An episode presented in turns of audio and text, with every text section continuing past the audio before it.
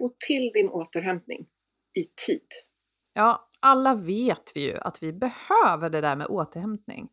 Och ändå är det ett behov som vi så lätt både kör över och faktiskt missförstår. Mm. Återhämtning det kan beskrivas som att återställa systemet och i det här fallet så pratar vi om vårt system, vår fysik och det mentala från belastning till ett balanserat tillstånd. Och den här belastningen, ja, det kan både vara att vi gör spännande och roliga saker eller att vi utsätts för någon typ av svårighet eller pressar oss själva. Och vi klarar vardagens och livets utmaningar om vi just tar och får till den här återhämtningen från de här utmaningarna. Men det är just här vi ofta gör ja, mer eller mindre fel. Mm, det är så lätt att bara köra på och tänka att man ska vila sen. Och det är just här som problem av olika slag kan uppstå. Eh, och dessutom är det inte alltid det som vi tänker är återhämtande som faktiskt är det. I det här avsnittet ser vi fram emot att prata om hur du bättre, och vi alla bättre, kan ta hand om vår återhämtning.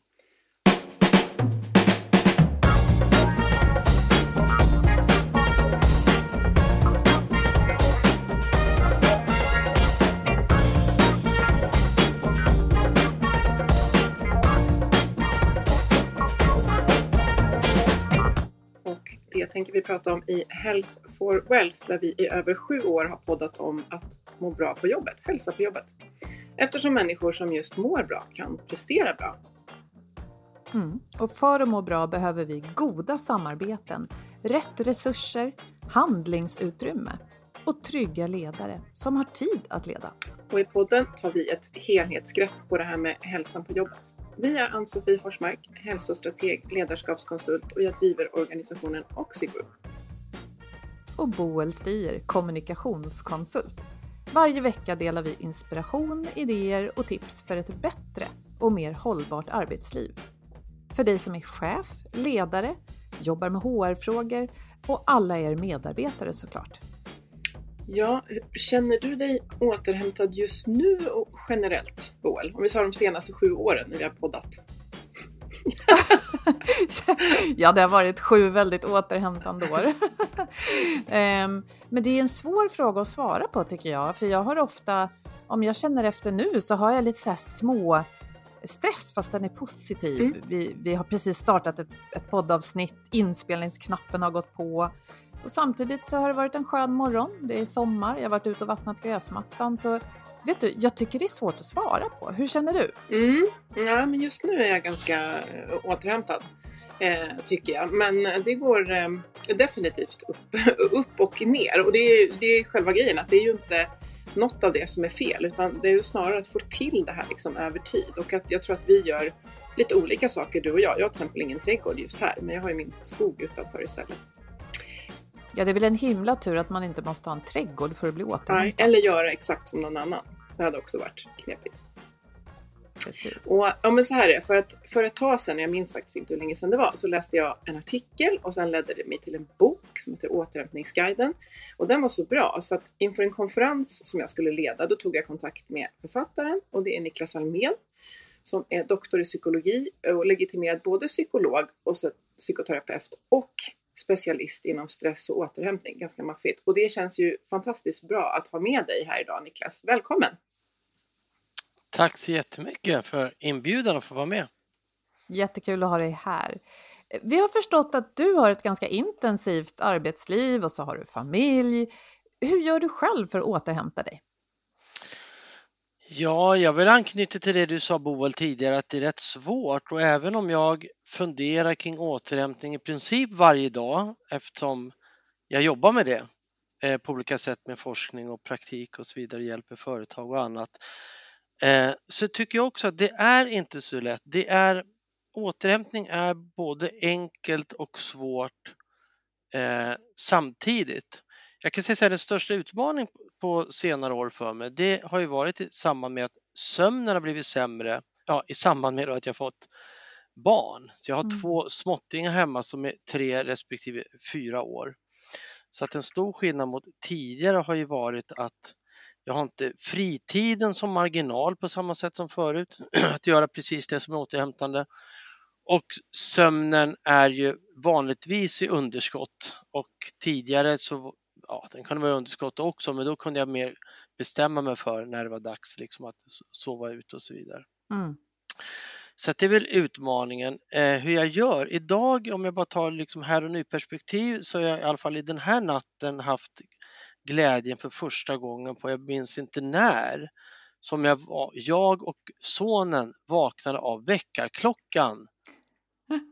Eh, Grattis! Vet, ja, vad var klockan? Jag, kommer inte ihåg om det var 6.45 eller någonting. Och så länge har jag inte sovit, jag vet inte när. så att det var fan, för, eh, fantastiskt skönt. Eh, annars så tror jag att jag har under många år liksom haft många parallella arbeten och det, blir ju, det är ju en extra utmaning än att jag skulle säga att vill man göra det enkelt för sig generellt så är det att ha ett heltidsarbete. Jag har ofta kanske haft tre arbeten och ibland fyra arbeten eh, eller många saker på gång samtidigt som gör det komplicerat. Eh, men det finns ju en aspekt i det där som faktiskt, det, det kan göra det svårare att återhämta sig för att eh, ja, det är svårt att skapa en god struktur. Det krävs mycket mer liksom, planering och organisering och så vidare. Eh, mm. Men, men jag skulle säga att det som driver mig mot att ha många saker eh, i luften, och olika saker, det är också, man kan också relatera till återhämtning, och det, eller man kan det. Och det är att för mig är det oerhört viktigt att göra saker som stimulerar mig, som utvecklar mig, som fångar mitt intresse, som känns meningsfullt. Eh, det är ja, det känns verkligen helt nödvändigt för mig och då får jag ofta pussla ihop mitt arbetsliv. Mm. För ofta finns det inte en tjänst som är tillräckligt tillfredsställande för mig. Utan då pusslar jag ihop mitt eget liv med olika typer av eh, projekt. Och långt svar på en fråga, men det här med preferenser, att göra saker som man själv tycker om, det är relaterat till återhämtning. Det är inte så att vi i forskningen exakt vet varför, men vi ser ett tydligt samband i alla fall mellan det man kallar för prefererade aktiviteter, att man gör saker som man har preferens för och att man kan eh, få till återhämtning. Och något som är associerat till, till preferenser det är också att kunna påverka hur man lägger upp sitt jobb. Och även om jag alltid haft kanske orimligt många krav parallellt så har jag ofta sett till att jag kan påverka mycket. Mm. Eh, och det tror jag har hjälpt mig väldigt mycket i återhämtningen och Eh, ja, det kan man alltid diskutera vad exakt det är som gör det, men det är i alla fall två faktorer man kan fundera kring. Att kunna påverka och att ha möjlighet att göra det som man själv har en preferens för. En preferens är inte samma sak som att eh, det måste vara lustfyllt utan just man har en preferens för att just nu passar det för mig att ta tag i den här surdegen mm. eller just nu så skulle det passa för mig att sitta ner att jobba eller stå upp att jobba eller att ta tag i den här uppgiften eller just det här känns meningsfullt i mitt mm. liv just nu med mm. mera, med mera. Det där är ju Långt svar ja, på men Det är intressant, för man kan nästan mm. se, och, se det framför sig eller känna det att när jag gör någonting som jag tycker är eh, meningsfullt eller viktigt eh, så eh, känns det som att det inte är lika belastande. Och när jag också har den möjligheten så gissningsvis så kan jag också förmodligen ha en lättare förmåga att också säga, och nu ska jag pausa ifrån det. Snarare än att göra någonting som jag är mm. tvingad mm. till och inte vill och då kanske det är mer, eh, mer liksom styrt. Jag tänkte på vår inledning, vi försökte beskriva liksom, eh, hur viktig återhämtning är. Eh, och en, en till, en ganska stor fråga, men, men vad, är det, vad är det du, för jag tänker det har varit väldigt mycket fokus på återhämtning tycker jag överallt eh, inom sådana här citationstecken. Men eh, ändå är det ju så många som inte får till det och det är ändå skönt att säga att du själv skönt men inte roligt att du också säger att ja, men det är svårt. Vad är det, tycker du, som vi inte riktigt har förstått kring återhämtning som vi behöver förstå? I'm Sandra, and I'm just the professional your small business was looking for. But you didn't hire me because you didn't use LinkedIn jobs. LinkedIn has professionals you can't find anywhere else, including those who aren't actively looking for a new job but might be open to the perfect role, like me. In a given month, over 70% of LinkedIn users don't visit other leading job sites. So if you're not looking on LinkedIn, you'll miss out on great candidates like Sandra. Start hiring professionals like a professional. Post your free job on linkedin.com/people today. Here's a cool fact. a crocodile can't stick out its tongue.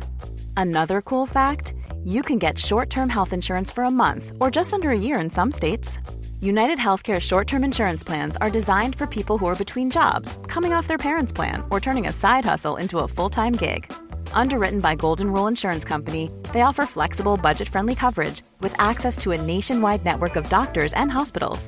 Get more cool facts about United Healthcare short term plans at uh1.com. This is Paige, the co-host of Giggly Squad, and I want to tell you about a company that I've been loving, Olive and June. Olive and June gives you everything that you need for a salon quality manicure in one box. And if you break it down, it really comes out to $2 a manicure, which is absolutely insane. It's also so easy to get salon worthy nails at home with Olive and June. The difference between how your nails used to look when you did them yourself and now with the Manny system is a complete game changer. The best thing about Olive and June too is it's a quick dry. Dries in about one minute, lasts for five days, and full coverage in up to one to two coats. Visit oliveandjune.com slash perfectmani20 for 20% off your first system. That's oliveandjune.com slash perfectmani20 for 20% off your first system.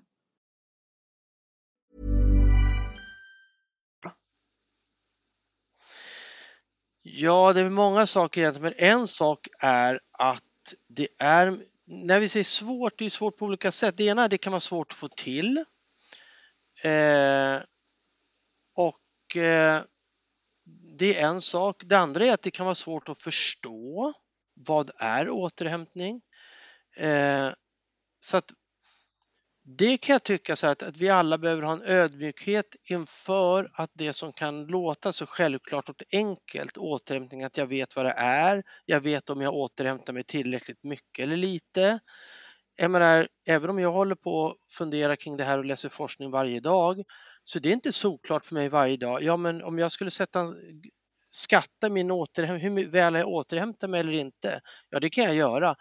Men hur tillförlitlig är min egen skattning? Ja, det vet inte jag riktigt, för det, det är inte så lätt att veta. Det är ett komplext fenomen som rör hela vår, hela vår organism, fysiologiskt, emotionellt eh, med mera. Så att en sak kanske är att ha en ödmjukhet inför att det är ett svårt en svår sak, det är ett svårt begrepp eller fenomen kanske ska säga, som vi kan behöva diskutera, reflektera kring, få utbildning i, få handledning i, läsa forskningsrapporter, samtala om med mera. Eh, intressera oss för, för att mm. förstå det här jätteviktiga mer och mer.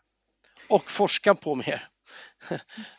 Ja, naturligtvis. Eh, nu har vi kommit en bit in i det avsnittet och jag inser att vi behöver nog definiera, eh, som du är inne på här Niklas, vad återhämtning egentligen är. För jag tänker på lite saker men jag inser att det kanske inte stämmer.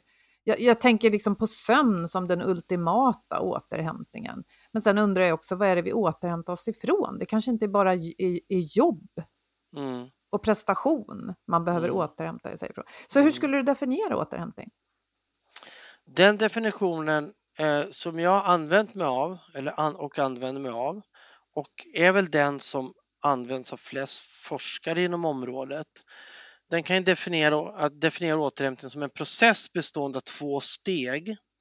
Och det ena steget det är att den de ansträngningsresponser eller stressresponser som är aktiverade, de avaktiveras. Och det är väl som kanske gemene man tänker att man får att själva stressreaktionen går ner. Men det behöver inte betyda att det bara är det som jag upplever som stressande utan egentligen liksom all ansträngning i systemet och det kan ju vara ansträngningar och aktiveringar som vi inte riktigt upplever. Till exempel kan vi ha stressande tankar som vi knappt märker av för att de är diffusa men ändå aktiverar och gör oss lite anspända med mera, påverkar oss. Eh, så det ena är att vi får en avaktivering av det som har varit aktiverat och i, i, ja, an, anspänt om man säger så. Eh, det är den ena processen. Den andra processen det är att vi också ska återställa resurser Eh, så att vi faktiskt får tillbaka resurser. För när vi är stressade och belastade då, då gör vi av med energi. Eh, och det kan vi märka på lite olika typer av sätt. Ofta eh, indikeras av att vi känner oss trötta.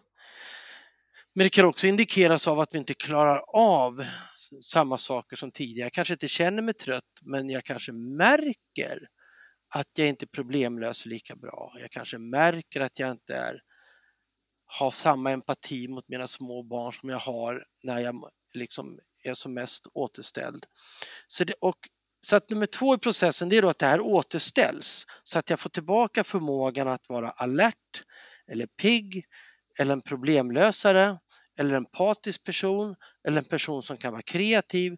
Sådana förmågor som jag har när jag vet när jag har, när jag är kraftfull eller när jag har min energi, när jag är återställd, då mm. har jag massa förmågor.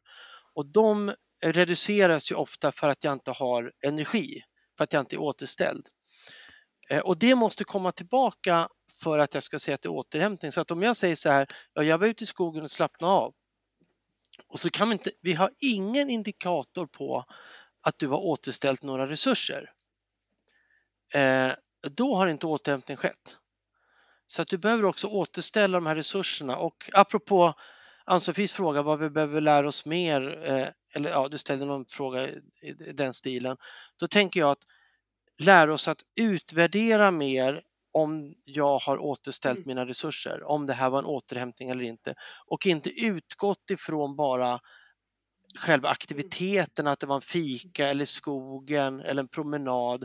Det här är ju naturligtvis aktiviteter med god potential och naturen har kanske en av de bästa, största potentialerna för att stärka återhämtning. Men om det var det för mig just den här situationen, mm. då behöver jag på något sätt, då, det behöver vara, någonting måste ha återställts, det är liksom mm. definitionen. Så två, två mm. aspekter och de kan man ju använda sig av kontinuerligt för att reflektera. Ja, mm. Så jag brukar säga det när jag föreläser att om, om du bara ska komma ihåg någonting från min föreläsning, kom ihåg det här, den här definitionen, för den kan du ha med dig kontinuerligt. Mm. Ja, men det är intressant som du säger att eh, jag kanske tar en lunchpromenad i skogen jag kanske gör det bland annat för att jag tänker att det här är bra för mig, jag återhämtar mig, jag får mer energi för eftermiddagens jobb och kvällen. Och så går jag eh, lite snabbt och hektiskt och tänker väldigt mycket på, på jobb eller på familjeproblem eller vad det kan vara. Och så ser jag inte alla vackra löv och blommor och kommer hem och är ungefär lika spänd som jag var innan. Då menar du, då har jag egentligen inte återhämtat mig, eller?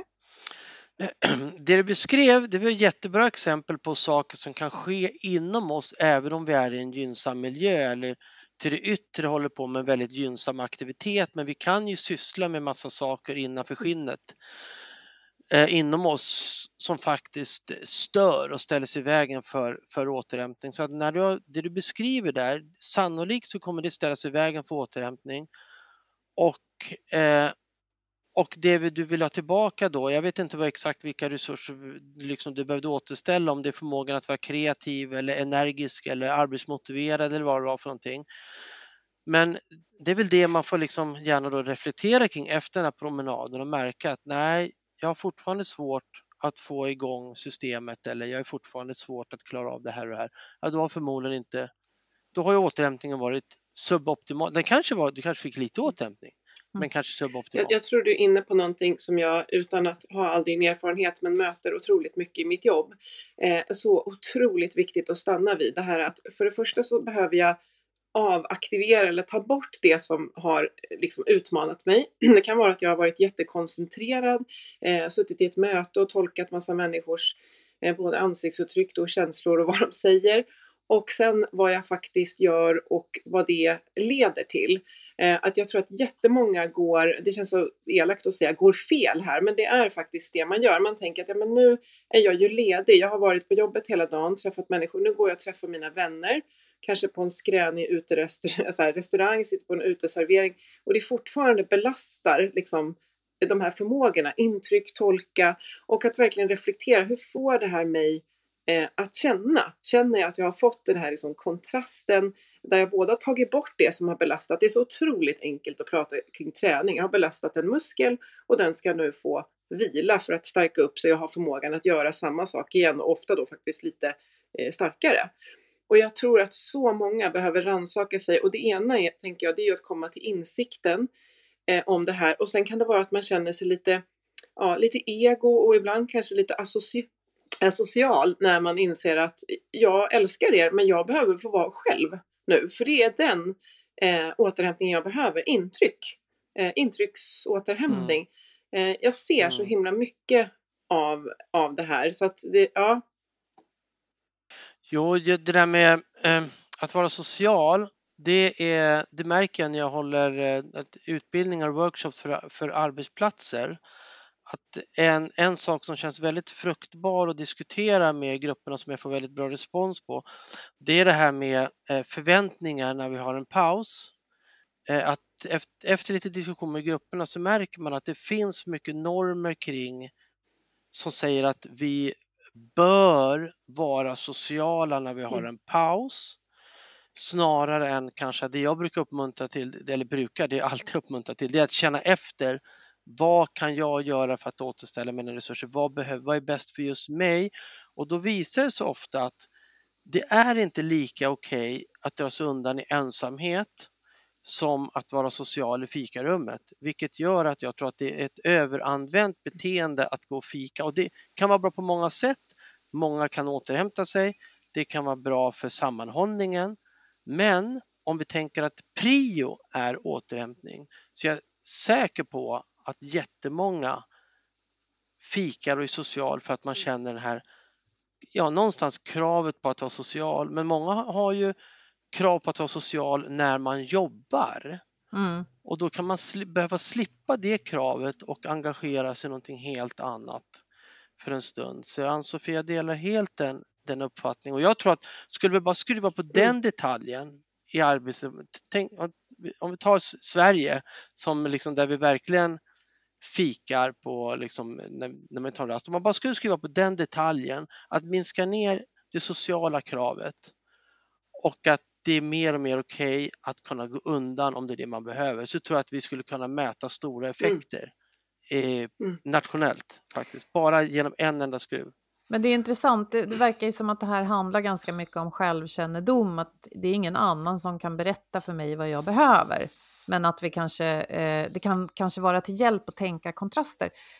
För jag kan också tänka mig att om jag står i en butik eller mm, pratar mycket i telefon med kunder i, i en kundservicetjänst eller något sånt där. Eh, det är ju en viss typ av social interaktion där jag förväntas vara på ett visst sätt och kunna en massa saker och göra olika saker. Att sen då sätta sig och fika med sin nära kollega eller två och bara ah, liksom upp med fötterna på bordet, kanske vädra lite sånt som har varit jobbigt. Då kan jag tänka mig att det ändå är återhämtande. Men, men som du säger Niklas, det är om jag vill det och om det är det jag behöver, eller? Ja, men jag, du en bra, bra poäng att det där med kon- kontraster tänker jag är en oerhört bra vägledare för att få till den här processen av stress och ansträngningsavaktivering och få till de här nummer två i processen och återhämtningseffekt, att man återställer resurserna. Kontraster är konkret jättebra vägledning och det kan ju vara kontrast mellan social och icke-social men du ger ju också ett nyanserat liksom, perspektiv på det. Det kan fortfarande att vara social men jag är social på ett helt annat sätt för kravbilden är annorlunda och min roll är annorlunda och då blir det en tillräcklig kontrast och då kanske till och med det är den kontrasten jag behöver. Mm. Inte vara med människor eller inte vara med människor utan hur jag är med människor. Mm. Och det är den, tänker jag, som är så bra om vad den bör reflektera kring och, och precis som du säger, ingen annan kan bestämma. Så självreflektion är viktigt och om man tar ett arbetsmiljöperspektiv så är det viktigt att man har möjligheter och normer som tillåter att människor gör på det sätt som passar. Så att organisationen har ju också ett stort ansvar att skapa möjligheter för det här. Uppmuntran och möjligheter och till och med då att kunna förstärka att man får en positiv respons när man gör det som faktiskt är bra för, för sig själv. Så att det inte blir bara det är okej att göra det man behöver utan nej, det är inte bara okej, det är jättebra Mm. om var och en gör på det sätt som funkar. Om det nu är att ha fötterna på skrivbordet, att beklaga sig eller att bara hamna i nu har jag varit expert, nu frågar jag Pelle en massa saker Ja. för att nu vill jag vara den som får höra hur saker och ting förhåller Mm. sig här i livet. Jag tänker, jag försöker se framför mig att man, man, för det första måste man ju ha kunskapen om vad återhämtning är och vilken, alltså just det här med att det handlar om kontrasterna. Och sen tänker jag att sen behöver man ju prata om det här för det kan vara väldigt svårt för liksom Boel själv att dra igång det här eh, apropå normer. Alltså de behöver vi hjälpas åt att rucka allihopa. Så att det låter som att vi verkligen behöver prata om det här. Vilken typ av återhämtning kan man behöva i våra jobb?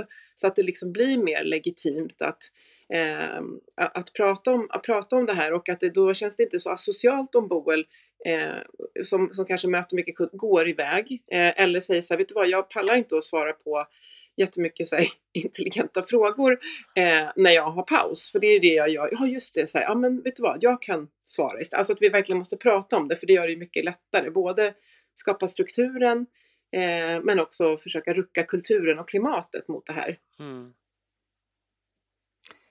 Jo, men jag tänker också, eh, jag måste bara skjuta in där att vi, det ser så olika ut hur vi har det hemma, även om vi är på samma arbetsplats. Eh, vissa bor eh, helt på egen hand och kan tycka det är jätteskönt, men då får man ju dra sig tillbaka till sin vrå på kvällen sen och då kanske man verkligen söker det sociala på jobbet. Eh, medan någon annan har fullt med små barn och bara känna att oh, det här med att eh, få liksom jobba och vara vuxen, men inte bara snacka hela tiden. Jag orkar inte det. Alltså, jag kan tänka mig att det är väldigt olika. Jag blir nyfiken på Niklas och frågar dig vad, vad som faktiskt händer inom oss, för du beskrev det här att vi behöver ju liksom återställa, tror jag du använder det ordet. Och då tänkte jag, jag såg framför mig en dator. Mm. Jag tror de flesta av oss har förståelse för att en dator som har varit igång länge, där väldigt många program är öppna samtidigt, det börjar bli trög, vi märker att den responderar mm. segt och så här. Och då behöver ju den stängas ner. Alltså startas om är ju en sak, men den behöver ju också ibland faktiskt vara i vila. Så eh, den bilden kanske kan hjälpa oss att förstå att, att människan är ju också en maskin på något sätt. Men vad är det då som händer fysiologiskt i kroppen när vi återhämtar oss? Ja, så jag skulle säga att jättemycket av det här vet vi inte. Vad, vad som händer. Det är klart man kan tänka sig liksom att det blir Eh, vi vet lite grann vad som händer under sömnen med, med, med återhämtning och celluppbyggnad och så vidare. Eh, men jag tycker ändå det, det mest riktiga svaret på den här frågan det är att, det, det, att vi nästan inte vet. Och det mesta forskning om återhämtning eh, den har inte detaljerat ex, de exakta processerna som sker vid återhämtning. Så det är så mycket fortfarande som vi inte känner till och det baseras ju mycket på att eh, stressforskningen har ju varit helt styrd utifrån ett man kallar för ett reaktivitetsparadigm. Det är att man har studerat vad som händer när vi är stressade. Och sen man har utgått ifrån att bara Eh, motsatsen alltså? Ja, motsatsen. Och vi kan ju se det som ett fenomen med två mynt där stress är aktivering och återhämtning avaktivering och att man återställer resurser. Stress så kostar det resurser och vi vet mycket om det stress och vi vet jättelite om det andra perspektivet så att det är så oerhört mycket som är eh, obeforskat. Som oxytocin till exempel som är någonting som ett kärt liksom, man säger, eh, hormon och begrepp för, för, för er då, eh, i Oxygroup så, eh, så tänker jag så här att det är mycket där också. Det, oxytocin det är liksom rätt svårstuderat. Eh, så att det är jättemycket som vi inte vet mer än att vi i största allmänhet vet att eh, återhämtning är viktigt, att det, att det sker massa liksom återuppbyggnad av resurser när vi är, eh, är i någon form av vila. Men sen är det liksom mer komplext också för att det är ju inte bara liksom det rent fysiologiska eh, som sker under sömn utan det handlar, det, när man pratar om eh, återhämtning då har man ett, liksom ett perspektiv av hela organismen och det kan ju också vara motivationsfaktorer, att jag behöver vara ifrån för att återhämta mig liksom rent motivationsmässigt. Eh, så att jag känner mig laddad igen.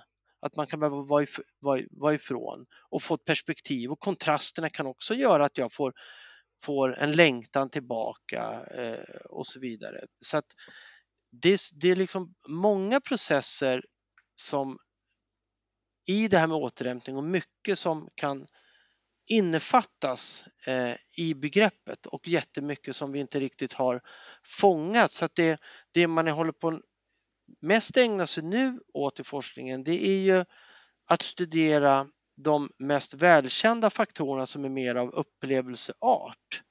Och det är det här med upplevelsen av att vara avslappnad, upplevelse av att kunna påverka, upplevelse av att man kognitivt är ockuperad av annat än arbete och, och eh, eh, stressfaktorer.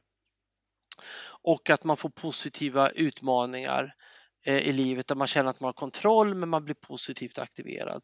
Det är de mest välbeforskade eh, återhämtningsfaktorerna och det, det är där man lägger största krutet just nu.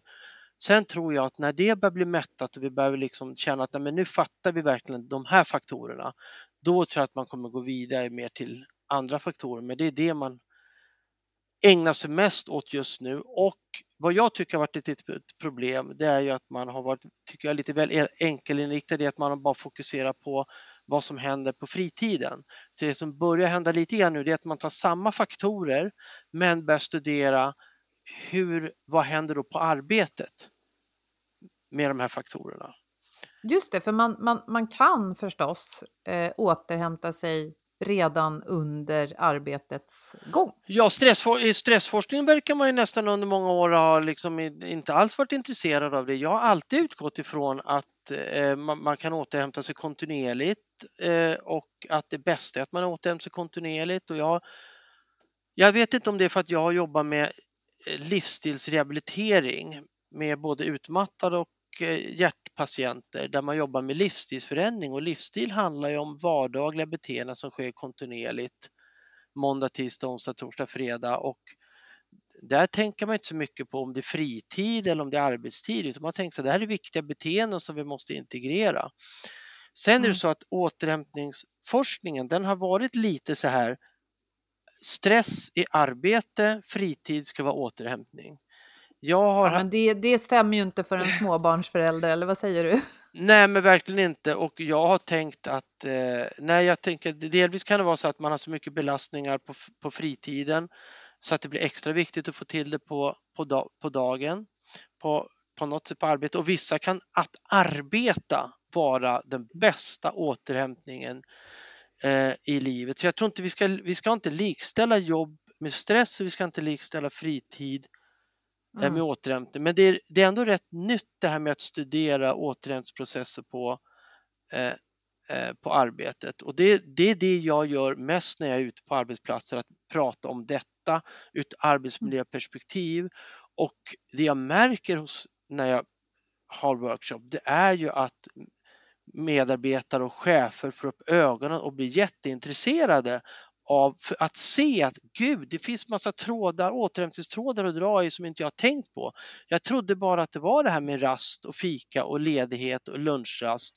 Aha, man kan få till det till och med när man jobbar beroende på hur man designar jobbet, hur man upplever jobbet. Till exempel om det linjer med ens preferenser och så vidare. Så där börjar återhämtningsforskningen börja nosa lite grann. Men vad intressant, för jag, jag, kan tänka mig, nu är jag säkert väldigt schablonartad, eller inte, Nej, men att om man är chef och håller i pengarna så tänker man så här, ja, ja, återhämtningen, men fika, det är ändå inget som drar in pengar och drar vi inte in pengar, ja, då överlever ju mm. inte företaget. Mm. Så det fokuserar vi inte på. Mm. Men det du säger nu öppnar ju mer för att om, om det kan finnas liksom bitar av återhämtning under en arbetsdag Eh, och produktiva, då är det ju win-win för alla. Ja, det är verkligen en win-win. Jag säger så här, den enda kostnaden som jag egentligen ser, det är ansträngningen man behöver göra för att skapa en förändring. Det kostar på något sätt. Det är alltid, oftast i alla fall, lite jobbigt att göra en förändring och man får stå ut med lite osäkerhet när man jobbar med en förändring. Vi har eh, tillsammans med studenter i ett uppsatsarbete så har vi samlat in data Eh, och tittat på återhämtningsprocesser på eh, arbetstid respektive eh, fritid eh, för psykologer. Eh, och vi vet ju att människor inom vården kan brista i återhämtning och då ett, var ett skäl att välja då psykologer som en grupp och bara titta på hur det ser ut för den här gruppen.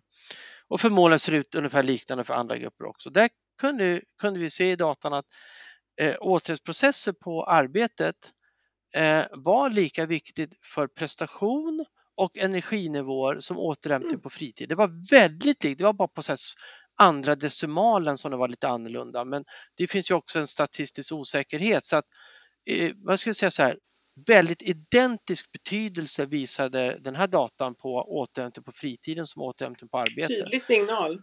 Mm. Och medskick till andra yrkesgrupper. Ja, nej men också. är det. Mm. Mm.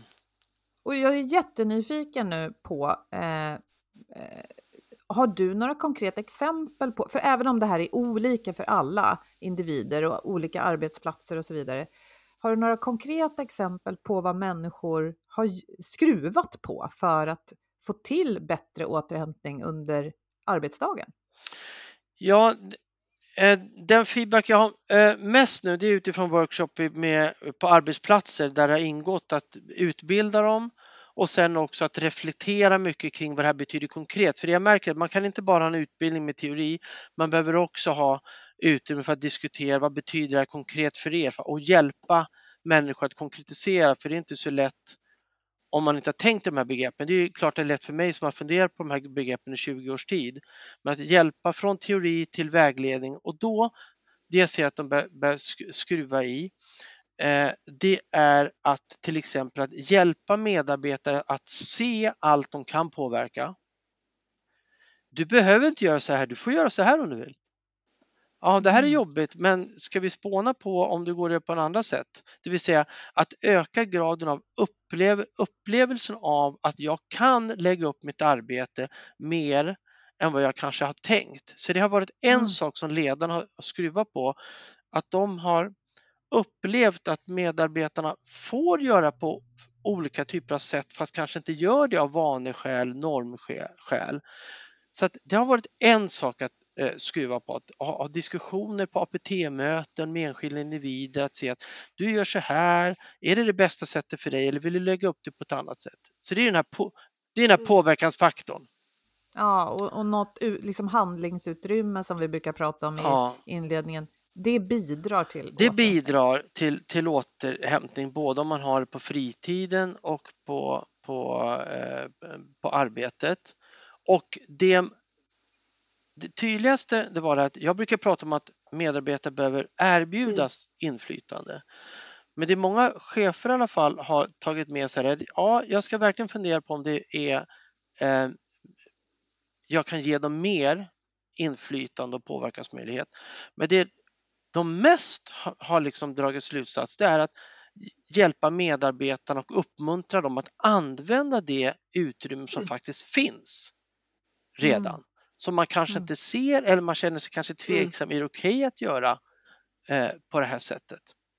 Och en annan sak att skruva på som är så här konkret, det har ju varit att uppmuntra under eh, fika, man får kalla det fikapauser, under eh, om man har då förmiddagspaus, eftermiddagspaus och lunchrast, att uppmuntra till att Mm. göra på olika sätt. Och ett sätt som chefer då har uppmuntrat det till, det är till exempel så här konkret att lägga in ett pussel eh, i, i fikarummet för att uppmuntra att man kan lägga pussel, att kanske dela upp om det finns utrymme så att man har två fikabord där ett är lite mer att här är liksom tystnad och här är det Mm. pratbord.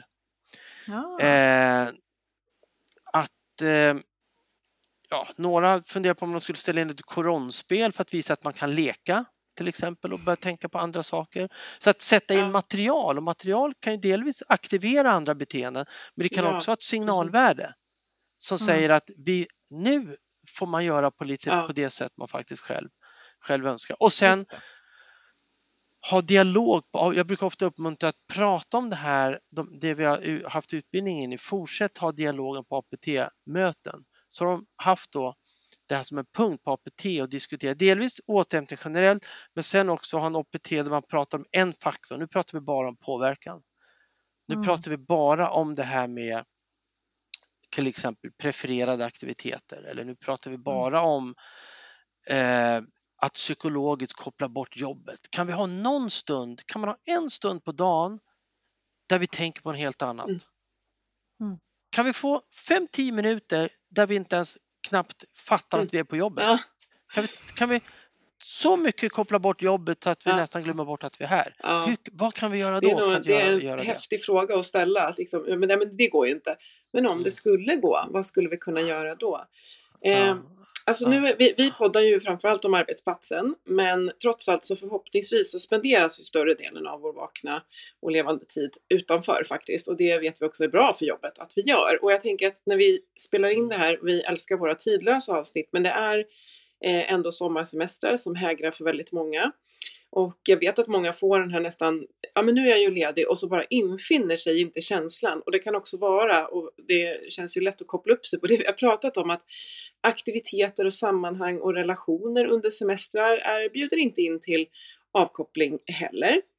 Eh, det finns många memes där så här, föräldrar börjar så här, jubla när eh, förskolan öppnar igen, skolan börjar. För att, ja, eh, och sådär. Men, men jag tänker just att vi skapar förutsättningar tillsammans på arbetsplatsen. Men sen är det ju många som har svårt att prioritera sin återhämtning utanför, både vad gäller sömn och aktiviteter. Vad skulle du vilja göra för medskick till, jag säger oss, för jag kan vara en av dem själv ibland, eh, att liksom tänka på, reflektera kring för att höja det här på prioritetslistan? Eh, tänker just under semestern. Ja, liksom generellt också ledighet, liksom helg, att man liksom faktiskt sk- ska få till sånt som ja, ger mig energi tillbaka. Mm, mm. Ja, att, ja, jag tänker säga i största allmänhet samtala om det liksom med, med hela familjen. Eh, så att alla som är med i den här familjen, medlemmar i familjen, faktiskt får det de behöver och sen behöver man väl kompromissa om man ska göra saker tillsammans. Eh, men att alla, alla personers behov på något sätt får en hygglig tillfredsställelse. Och ibland så kanske det innebär också att man behöver göra saker på olika håll. Så att det inte alltid är så att hela familjen gör allting tillsammans utan att man ibland kanske, även om man har, har ett värde med familjen. Jag tänker det med återhämtning behöver balanseras upp mot andra behov. Man har ett behov av att vi ska vara tillsammans, man har behov av stimulans, man har behov av att vidmakthålla relationer och träffas. Men tänker man att återhämtning är en av de liksom viktiga behoven som man behöver då balansera upp med att ja, vi vill vara med familj och vi vill vara mycket med varandra. Men för min återhämtning så kan det också vara bra att jag får göra eh, det här ensam eller om jag har flera barn så kanske jag tar med mig ett barn och gör det här. För det kanske blir annorlunda än om vi är hela familjen. Mm.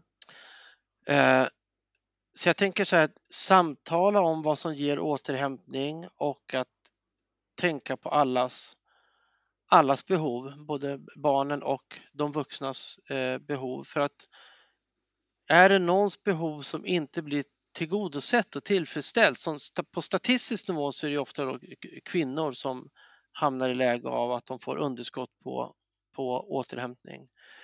Eh, så blir det inte bra i längden för någon om orken brister, för då blir relationerna sämre och välmåendet blir sämre och stressnivån i hela familjen ökar och allt blir sämre. Så att det är ju så en himla bra investering om de flesta är så återhämtade eh, eh, som möjligt. Så att jag tänker så här, vi har olika behov, det är olika saker vi vill till, tillfredsställa och bara tänka i termer av återhämtning.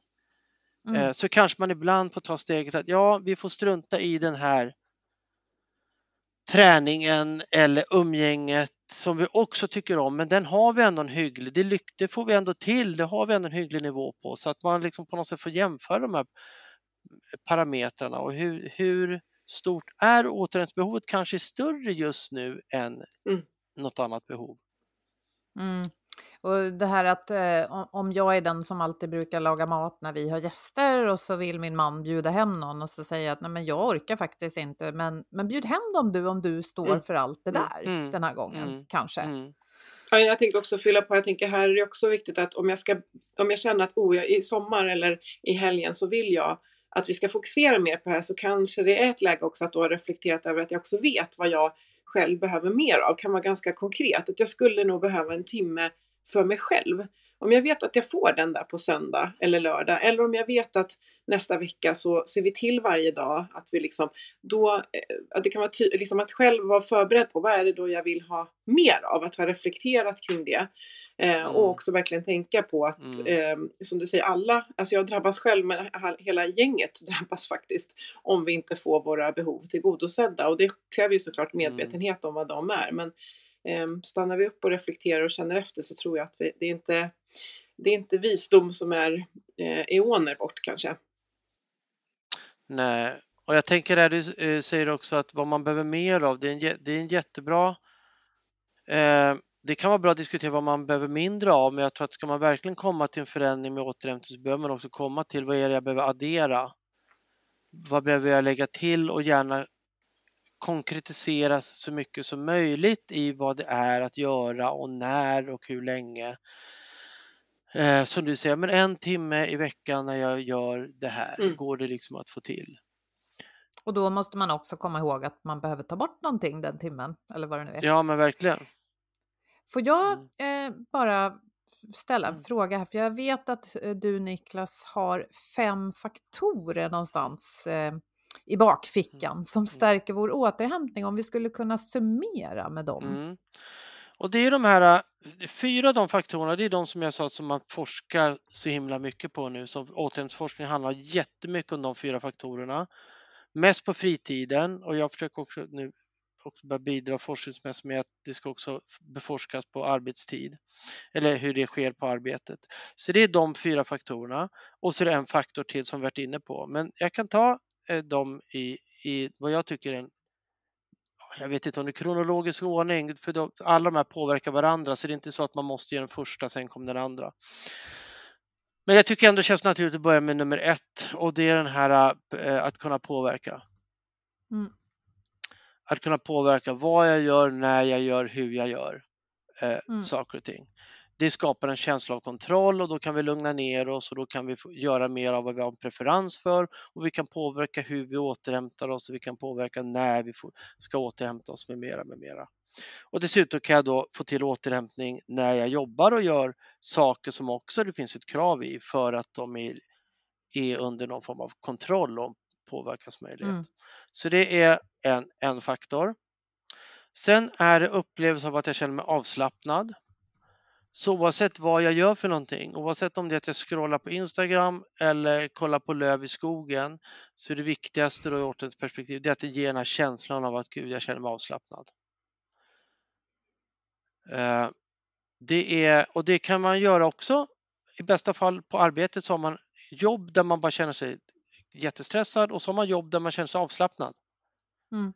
Eh, Så man kan också göra jobb där man känner sig avslappnad eh, och få till återhämtning. Eh, så av, av avslappning då. Och sen nummer tre, det är en, en aktiviteter som också är i linje med ens preferenser. Det är ju avslappnande aktiviteter också i linje med ens preferenser. Det, det jag brukar kalla för positiva utmaningar.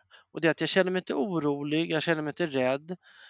Eh, men jag känner mig nyfiken, jag känner mig positivt aktiverad, jag känner att det här är trivsamt, det här är en lockelse och det här är också kopplat till att jag lär mig någonting, jag kan vidga mina vyer. Så det kanske är att jag tar en kurs eller jag har en reflekterande diskussion med en vän eller jag har en intressant eh, samtal i en podd där jag tycker liksom det är utmanande och trevligt och eh, kul och spännande. Så att det, är inte, det aktiverar mig men på ett positivt sätt. Eh, det är också bra för, eh, för återhämtningen.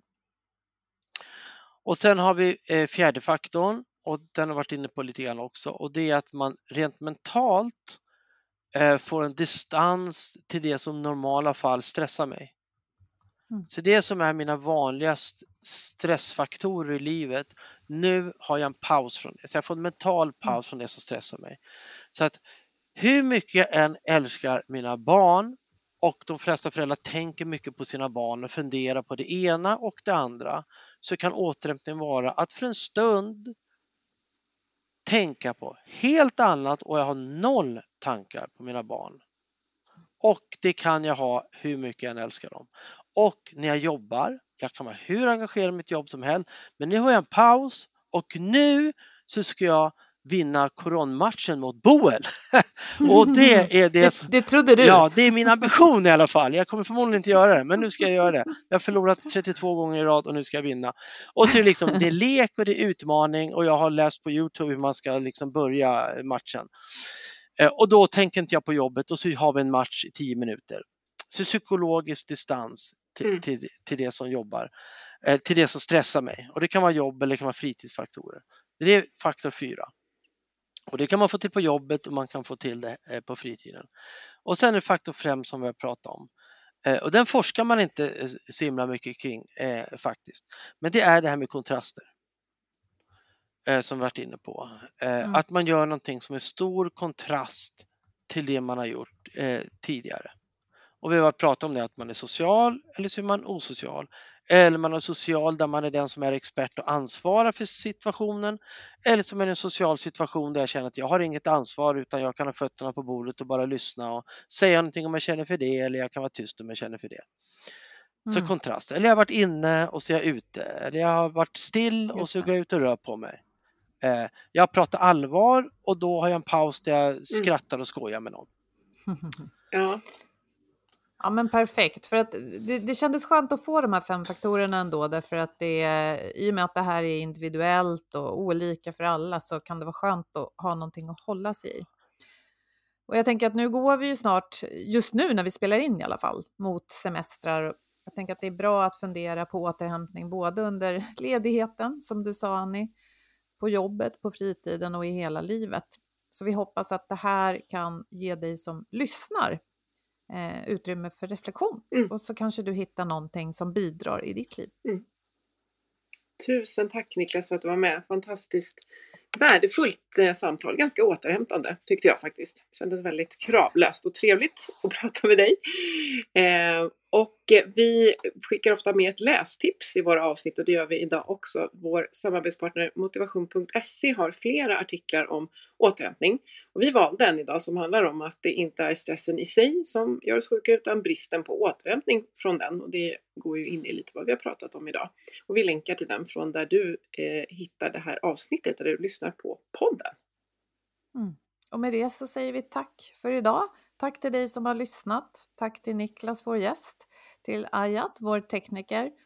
Och eh, prata gärna med oss på LinkedIn. Där gillar vi att snacka. Kommentera på våra inlägg och om du vill recensera oss gärna på eh, Apples podcast-app så hjälper det oss att göra fler och ännu bättre kanske avsnitt. Då hörs vi om en vecka igen. Ha det så bra! Må så gott! Hej då!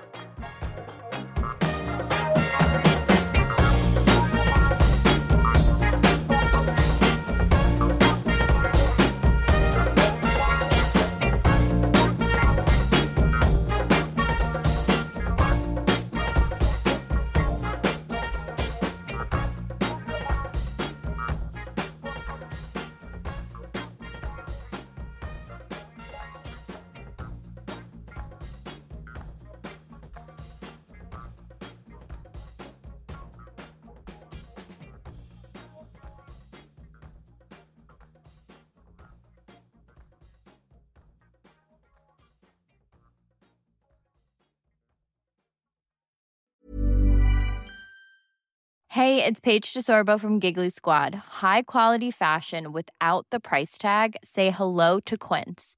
I'm snagging high-end essentials like cozy cashmere sweaters, sleek leather jackets, fine jewelry, and so much more. With Quince being 50 to 80% less than similar brands. And they partner with factories that prioritize safe, ethical, and responsible manufacturing. I love that. Luxury quality within reach. Go to quince.com slash style to get free shipping and 365 day returns on your next order. Quince.com slash style. Mom deserves the best, and there's no better place to shop for Mother's Day than Whole Foods Market. They're your destination for unbeatable savings, from premium gifts to show-stopping flowers and irresistible desserts. Start by saving 33% with Prime on all body care and candles. Then get a 15-stem bunch of tulips for just $9.99 each with Prime. Round out Mom's menu with festive rosé, irresistible berry chantilly cake, and more special treats. Come celebrate Mother's Day at Whole Foods Market Blanket. Imagine the softest sheets you've ever felt. Now imagine them getting even softer over time. That's what you'll feel with Bowl and Branch's organic cotton sheets. In a recent customer survey, 96% replied that Bowl and Branch sheets get softer with every wash. Start getting your best night's sleep in these sheets that get softer and softer for years to come. Try their sheets with a 30-night guarantee. Plus, get 15% off your first order at bowlandbranch.com. Code BUTTERY. Exclusions apply. See site for details.